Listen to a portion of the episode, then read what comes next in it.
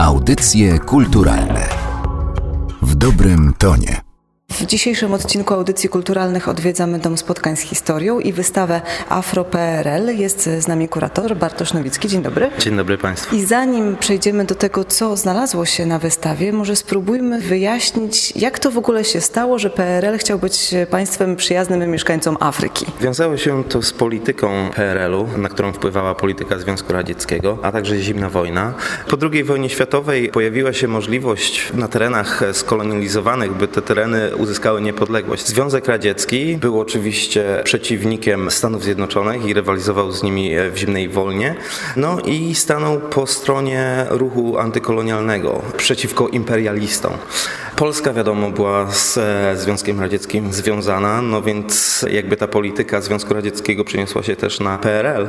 No i wspierano ten ruch antykolonialny, krytykowano kolonializm i nawiązywano kontakty z przedstawicielami państw, najpierw Azji, później Afryki. Te nowo powstałe państwa afrykańskie były też taką przestrzenią do szerzenia socjalizmu. To była okazja dla poszerzenia rewolucji i rok 60, tak zwany rok Afryki, był właśnie takim wybuchem rewolucyjnym, bo 17 krajów odzyskało niepodległość, a oczywiście kraje socjalistyczne, kraje bloku wschodniego robiły co mogły, by wspierać te ruchy rewolucyjne, no i oczywiście osiągnąć jakieś wpływy na tych terenach. Na wystawie Afro-PRL będziemy mogli się przekonać, jaki był wizerunek mieszkańców krajów afrykańskich, którzy przybywali do Polski. Wystawa jest podzielona na kilka części. Od której powinniśmy zacząć? Rozpoczynamy częścią delegaci i powód jest taki, że w 1955 roku w Warszawie gościliśmy Festiwal Młodzieży i Studentów, na który przyjechało ponad 100 tysięcy delegatów zagranicznych i w tym 911 Afrykanów i to była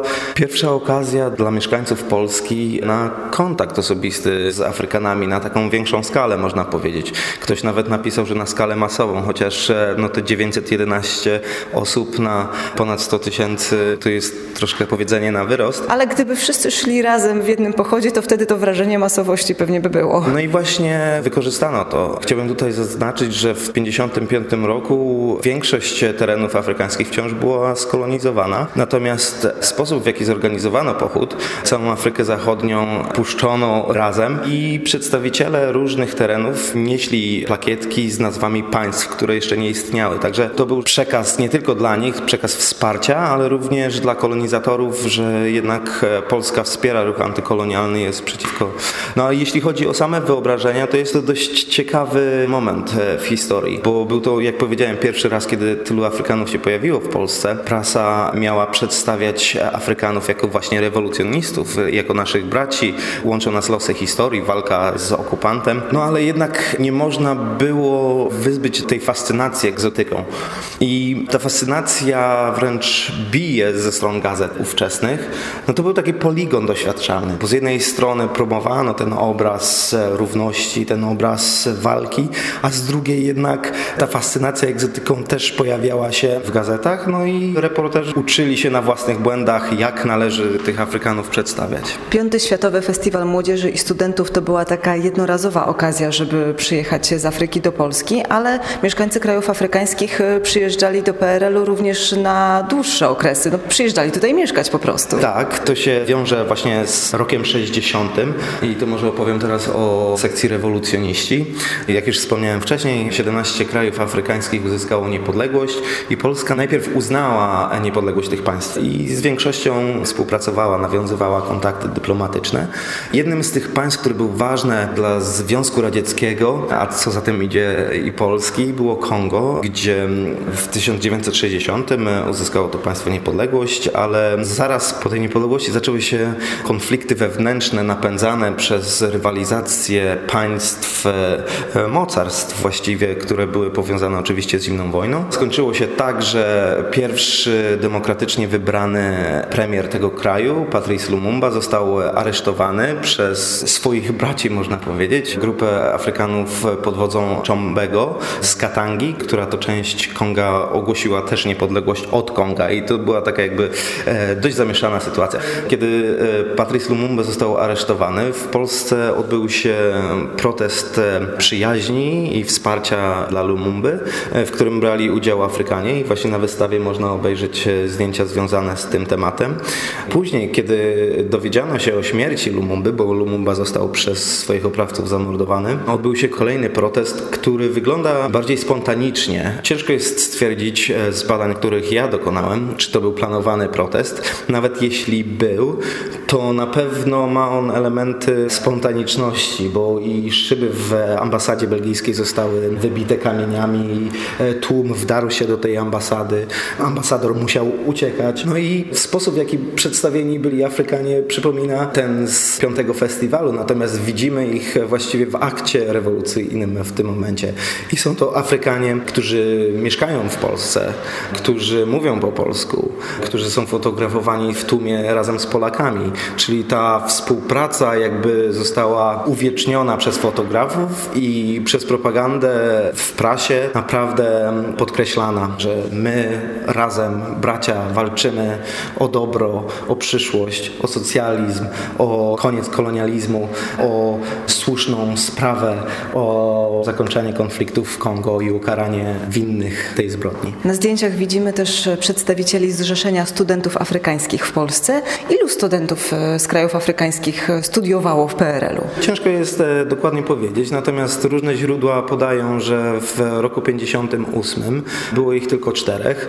W roku 61, czyli w okresie tych protestów, Trybunał Ludu podaje, że jest ich w samej Warszawie około 50.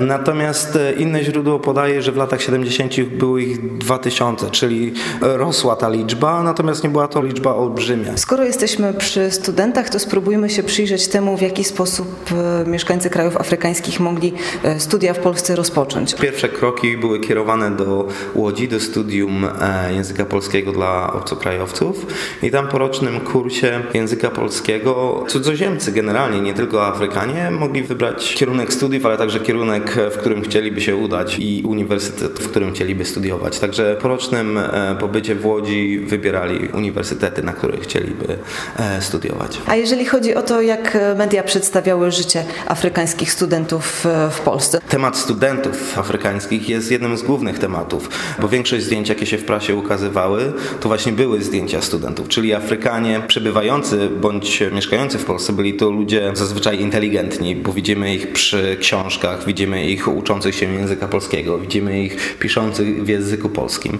Byli przedstawiani jako ludzie dążący do sukcesu, czyli bardzo pozytywnie. Chciałbym tutaj zaznaczyć, że ja badałem zdjęcia wykonane w Polsce, także sposób przedstawiania Afryki na przykład i Afrykanów w Afryce nie był objęty tymi badaniami. Ale nie tylko polska prasa pisała o mieszkańcach krajów afrykańskich, którzy zdecydowali się żyć w PRL-u, również swoje magazyny wysyłała do Afryki, żeby w ten sposób pewnie e, zachęcać ich do przyjazdu. To teraz mówimy o sekcji obywatele. Nazwałem ją w ten sposób, ponieważ wyobrażenia Afrykanów w tym magazynie różnią się od tych e, przedstawianych w prasie codziennej czy tam w innych miesięcznikach. Związane jest to właśnie z odbiorcą, do kogo jest ten magazyn kierowany. Ja może powiem, że miesięcznik polski miał kilka wersji i w latach 61-72 powstawała wersja, która była wysyłana do krajów Azji i Afryki. I one powstawały w dwóch językach, w języku francuskim i w języku angielskim. No i tam widzimy Afrykanów również jako studentów, jako osoby sukcesu znowu, ale też widzimy ich w sytuacjach bardziej przyziemnych, czyli można zobaczyć zdjęcia ze ślubu Afrykanina z Polką, można zobaczyć zdjęcia rodzin z dziećmi, prawda? I widzimy ich na spacerze, widzimy ich na wizytach u lekarza z babcią. No i ten obraz Afrykanów w tym magazynie przedstawiał życie w Polsce tych Afrykanów jako takie jakby Eldorado. Tam wszystko się udawało, było pięknie, było ładnie. No człowiek aż czytając taki magazyn chciałby do tej Polski przyjechać. Już się pakował i wyjeżdżał następnego dnia. Tak, dokładnie. Także to jest jedyny moment, w którym Afrykanie przedstawieni są właśnie bardziej jako zwyczajni ludzie, jako obywatele. Jest to obraz upolityczniony inaczej, bo tutaj jednak walczono ze stereotypami. Okres przedstawiania Afrykanów jako podludzi się skończył. Teraz to są jednak bracia. Ten e, kapitalistyczny sposób przedstawiania Afrykanów jest nie do przyjęcia. No, a w sekcji Obywatele, w tym miesięczniku, e, to jednak nie trzeba Afrykanów przekonywać do tego, że oni są równi.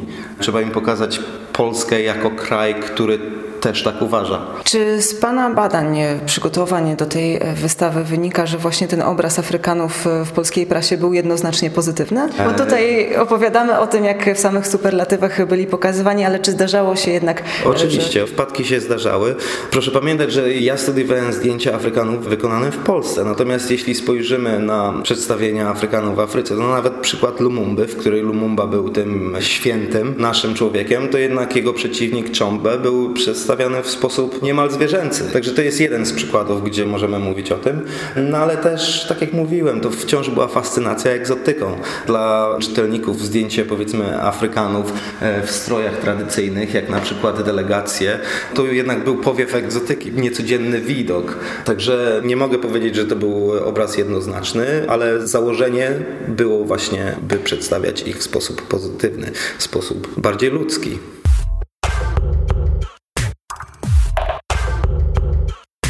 Materiał przygotowała Magdalena Miszewska. Audycje kulturalne w dobrym tonie.